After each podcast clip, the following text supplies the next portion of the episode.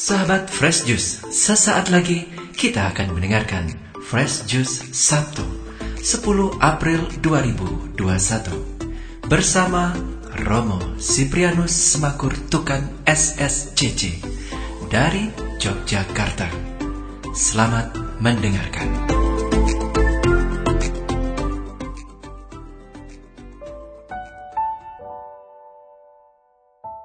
Saudara-saudari yang dikasih Tuhan, para pendengar setia Daily Fresh Juice yang dikasih Tuhan di mana pun Anda berada, kita berjumpa lagi bersama dengan saya dari Yogyakarta, dari Sekolah Stikat Yogyakarta.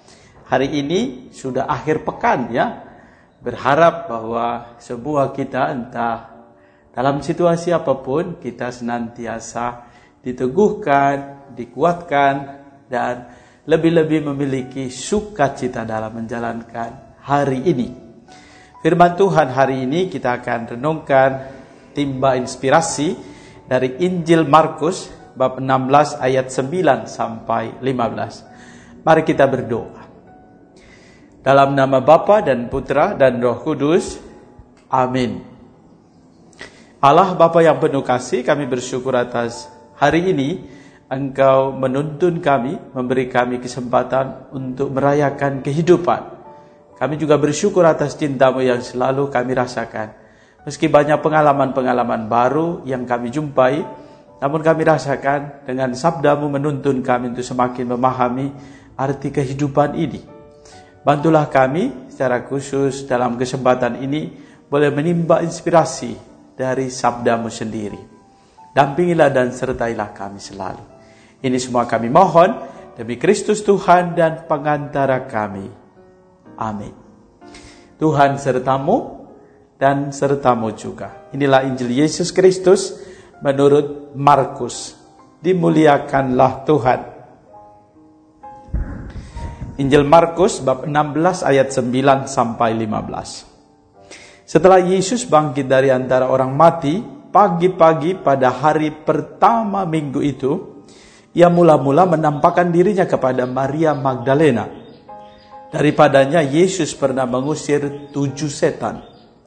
Lalu Maria Magdalena pergi memberitahukannya kepada mereka yang selalu mengiringi Yesus dan yang pada waktu itu sedang berkabung dan menangis. Tetapi ketika mereka mendengar bahwa Yesus hidup dan telah dilihat olehnya, mereka tidak percaya Sesudah itu Yesus menampakkan diri dalam rupa yang lain kepada dua orang dari para murid ketika keduanya dalam perjalanan keluar kota. Ketika mereka kembali dan memberitahukannya kepada teman-temannya yang lain, kepada mereka pun teman-teman itu tidak percaya. Akhirnya Yesus menampakkan diri kepada kesebelas orang itu ketika mereka sedang makan. Yesus mencela ketidakpercayaan dan kedegilan hati mereka. Oleh karena mereka tidak percaya kepada orang-orang yang telah melihat dia sesudah kebangkitannya. Lalu Yesus berkata kepada mereka, Pergilah ke seluruh dunia, beritakanlah Injil kepada segala makhluk. Demikianlah Injil Tuhan. Terpujilah Kristus. Para sahabat Fresh Juice yang dikasih Tuhan, di mana pun Anda berada, kita masih di dalam oktav pasca. Nah, saya ingin menawarkan satu permenungan kecil untuk boleh kita renungkan di tengah situasi dunia saat ini. Nah, dalam permenungan saya, di dalam kisah-kisah yang kita dengarkan eh, dalam pekan ini, tentu kisah-kisah bagaimana Tuhan Yesus dengan sungguh sabar. Bagi saya secara pribadi, Tuhan Yesus dengan sungguh sabar. Ia sudah bangkit, lalu menampakkan diri beberapa kali. Nah saya merenungkan bahwa ini sudah beberapa kali diberi bukti, namun tetap saja tidak percaya. Dan itu juga terjadi di dalam kenyataan hidup kita. Kalau kita memberitahu suatu kebenaran, Lalu reaksi orang, oh apakah begitu? Atau benarkah seperti itu? Atau reaksi kadang-kadang membuat orang tidak percaya, orang ragu. bahkan sudah diberi bukti sekalipun. Dan Yesus menampakkan dirinya tiga kali.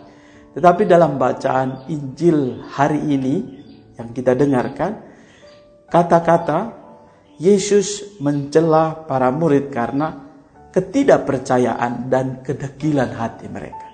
Di sini tentu para murid tidak disebutkan namanya. Kita tahu kisah ini, namun bisa kita tarik lebih jauh. Bisa jadi para murid adalah aku atau dirimu atau siapa saja, siapa pun kita. Bisa jadi dalam situasi ini kita percaya pada Tuhan. Percaya pada Kristus yang bangkit. Namun wujud kepercayaan kita itu bisa kita kita tes pada saat kita mengalami masa-masa penderitaan atau masa-masa sulit. Kalau masa-masa yang aman-aman itu kita pasti percaya, saya yakin. Tetapi masa-masa sulit, apalagi contoh yang paling sederhana kalau kita berdoa.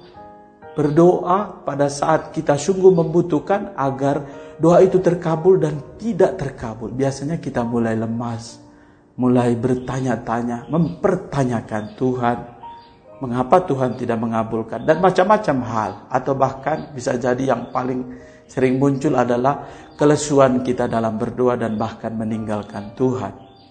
Ini salah satu baru salah satu contoh dampak dari ketidakpercayaan atau kedegilan hati. Dan kita boleh bertanya, bisa jadi Yesus pun datang pada hatiku, hati kita semua dan bertanya apakah kamu juga memiliki hati yang degil atau ketidakpercayaan ini. Kita bisa jadi membaca, mendengarkan firman Tuhan sungguh, bahkan sering sekali mendengarkan uh, pewartaan dan berdoa. Tetapi apakah kita sungguh membatinkan dan percaya sungguh punya pengalaman akan Yesus yang bangkit? Nah, pengalaman Yesus yang bangkit bisa hadir dalam situasi yang kecil-kecil, yang sederhana-sederhana yang kita jumpai. Sapaan orang lain, wujud syukur yang sungguh luar biasa, atau bahkan jauh dari itu, situasi yang akhir-akhir ini kita rasakan, orang diselamatkan di tengah badai situasi ini. Dan ini adalah wujud-wujud kebangkitan Tuhan zaman ini yang mampu membawa kita merasakan bahwa Tuhan hadir. Meskipun Tuhan tidak punya wujud yang sama seperti kebangkitannya. Tetapi ia hadir memberikan daya, memberikan energi yang mampu menggerakkan setiap kita. Sehingga pada akhirnya kita punya, oh kita punya pengalaman klik kembali. Dan pengalaman itu perlu kita tumbuhkan kepercayaan dan kemurnian hati kita bukan ketidakpercayaan dan kedegilan hati. Tuhan mengajak kita sekalian agar kita memiliki hati yang murni dan hati yang percaya. Di balik hati yang yang degil dan hati yang tidak percaya. Tuhan mengajak kita sekalian untuk boleh sungguh-sungguh merasakan bahwa ia mengutus kita karena kita punya pengalaman akan kebangkitan Kristus. Pengalaman diselamatkan, pengalaman rasa syukur, pengalaman perjumpaan dengan orang-orang yang mampu membawa daya yang sungguh meneguhkan kita sekalian. Maka mari kita mohon agar kiranya sabda Kristus di ayat yang ke-15 Pergilah ke seluruh dunia, beritakanlah Injil kepada segala makhluk. Kita diutus untuk memberitakan Injil.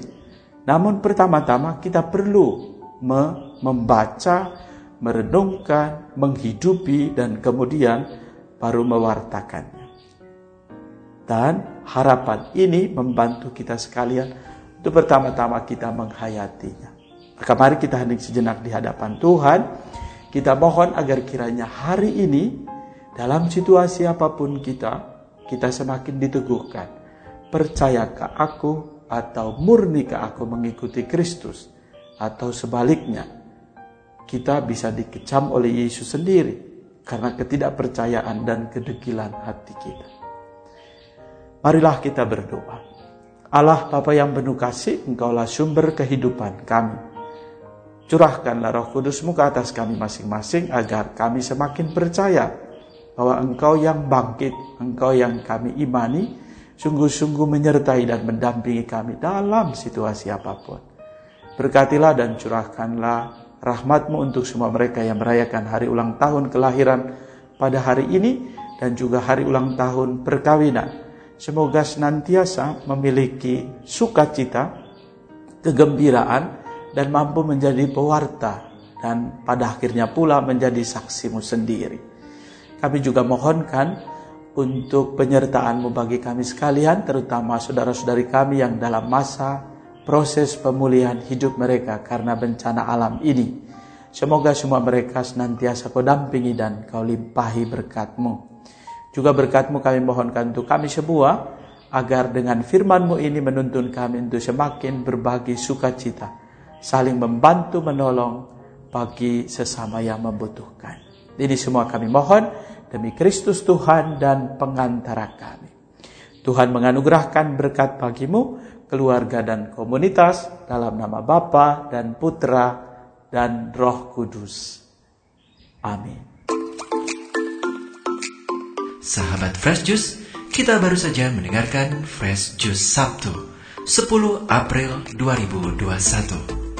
Terima kasih kepada Romo Siprianus Tukan untuk renungannya pada hari ini. Sampai berjumpa kembali dalam Fresh Juice edisi selanjutnya. Salam Fresh Juice.